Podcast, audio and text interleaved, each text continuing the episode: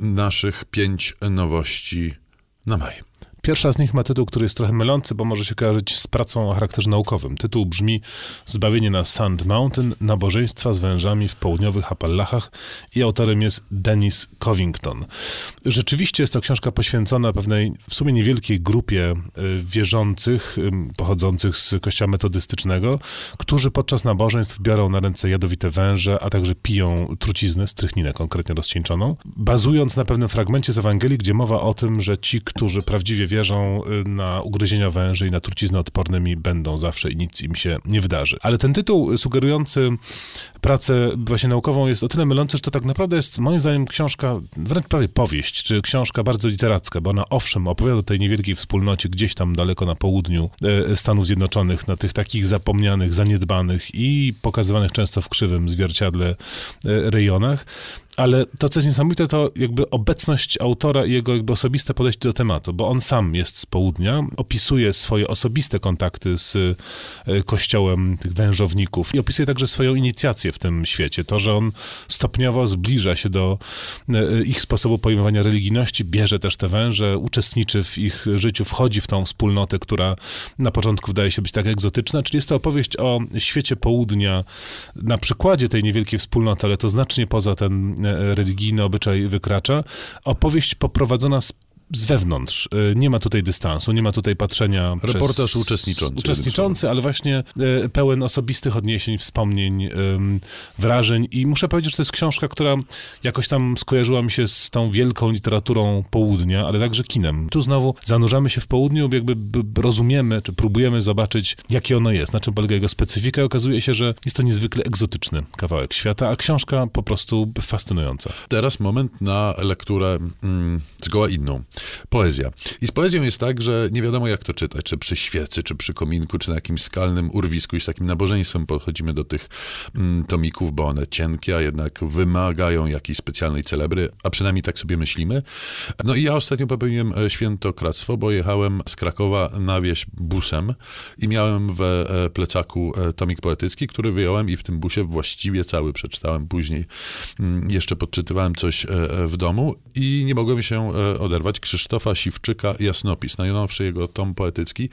E, później się zastanawiałem, na czym ta niemożność oderwania się polegała i chyba, e, chyba na tym przede wszystkim, że Krzysztof Siwczyk w tym e, tomiku, on strasznie dużo miejsca zostawia dla nas, dla, dla czytelnika. Są tu rzeczy, to które... w busie bardzo przydatne. Prawda? Miejsce, Są tu, tak. tak, spokojnie można wyciągnąć poetyckie nogi. Są tu miejsca, które wymagają dopełnienia. Są słowa, które wymagają dopowiedzenia. Są jakieś takie przedziwne kontrasty, które od początku do końca tej książki nam towarzyszą, które rzeczywiście trzeba jakoś e, uzupełniać i, i z nimi walczyć. Książka składa się, jak na tomik poetycki przystało, z e, wierszy, ale nie tylko, bo e, po środku, prawie po środku tej książki dostajemy taki dłuższy, dłuższy utwór. Trudno powiedzieć, co to jest. To, jest to się nazywa mechanizm, mechanizm obronny, akt mowy na głosy i rzeczywiście wygląda to jak dramat, jak sztuka na dwa głosy jest to rozpisane i poza wierszami, które ten tom wypełniają, jeszcze na końcu znajduje się coś, co zakrawa na, no może nie poemat, ale jest to taki długaśny, długaśne wierszydło na e, stron e, kilkatytułowy e, utwór e, zresztą.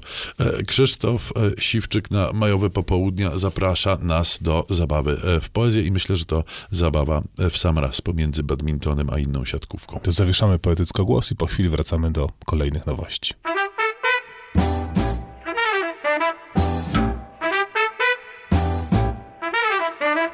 Piątka z literatury. Polecają Szymon Gloszka i Tomasz Pindel z Instytutu Książki. Na Kaukazie jest pięknie, znajduje się tam między innymi kraj, który Armenią się nazywa i o tymż to kraju właśnie wyszła książka, która jest takim, no co, dobrym wstępem do mm, armeńskiej współczesności, ale dobrym wstępem też do armeńskiej historii. Książka nazywa się Armenia, Karawany Śmierci i to jest tytuł nieco mylący, bo on odnosi nas w oczywisty sposób do pierwszego e, rozdziału poświęconego ludobójstwu Ormian w Turcji. To rzeczywiście jest bardzo ważna część historii XX wieku i od niej ta książka się zaczyna, ale bynajmniej na tym się nie kończy, tudzież na tym się nie skupia. E, autorów jest dwóch, to Andrzej Brzezicki i Małgorzata Nocuń, którzy ewidentnie sporo po Armenii jeździli, dużo rozmawiali i zapisali to w pewną całość. I rzeczywiście ta książka składa się z takich rozdziałów reportaży, które można by de facto czytać ozdrębnie, ale jednak układają się w logiczny y, ciąg. Mamy tam zarówno historię, czyli właśnie zaczynamy od ludobójstwa, potem na przykład skakujemy do tragicznych wydarzeń z roku 1988, kiedy to trzęsienie ziemi zniszczyło kilka miast i jedna szósta ludności Armenii straciła dach nad głową, czy na przykład dochodzimy do politycznej części, y, której to polityce sporo uwagi się poświęca w tej książce i dowiadujemy się na przykład o dramatycznym i tajemniczym wciąż zamachu z 99 roku, zamachu na parlament. Jest to książka ciekawa, pełna empatii, y, ale zarazem bardzo smutna, bo obraz Armenii, który dostajemy, nie jest szczególnie krzepiący. Tak to ostatnio bywa, że świat arabski wchodzi w naszą codzienność i w naszą historię dość e, intensywnie i często, a my w dalszym ciągu mamy bardzo umiarkowane pojęcie o tym, jak on e, wygląda i wydawałoby się, że chcemy wiedzieć coraz mniej, e, okopując się w swoim własnym małym narodowym grajdołku. Nie należy tak robić, drodzy Państwo, dlatego zachęcamy do lektury e, komiksu, który to komiks nazywa się Arab przyszłości. Autor nazywa się Riyad Satów. To się wpisuje oczywiście w już dość dobrze nam znany nurt komiksów rozpoczętych przez y, Persepolis, kontynuowanych przez Marzi. Sporo takich opowieści o dzieciństwach w różnych częściach świata się pojawia, ale to rzeczywiście znakomite, ciekawie narysowane taką satyryczną, prześmiewczą nieco kreską. Historia chłopca, którego rodzice to małżeństwo mieszane. On jest Syryjczykiem, ona francuską. Wyjeżdżają właśnie najpierw do Libii, potem do, do Syrii. I trzeba powiedzieć, że jest taka wizja daleka od wszelkiej próby poprawności politycznej, czy takiego ugłaskiwania i wypiększania rzeczywistości, bo patrzymy na to wszystko, co tam się dzieje oczyma dziecka, które nie jest szczególnie zachwycone tym, co widzi e, i w Libii, i w e, Syrii. Kontakt z rówieśnikami, trudności językowe, zupełnie inny pejzaż, zupełnie inne przyzwyczajenia. To są rzeczy, które budzą e, często przerażenie i zdumienie. Sam ojciec, właściwie główna postać tej historii, też jest postacią dość kontrowersyjną. To świetna i taka żywa wizja e, dzieciństwa naprawdę specyficznego. Piątka powoli już się kończy, a my jeszcze nie mieliśmy żadnej powieści, co nam się rzadko zdarza. No ale e, nadrabiamy tą zaległość e, z hukiem, bo oto powieść z kraju, który rzadko bywa na księgarskich półkach niestety, powieść brazylijska.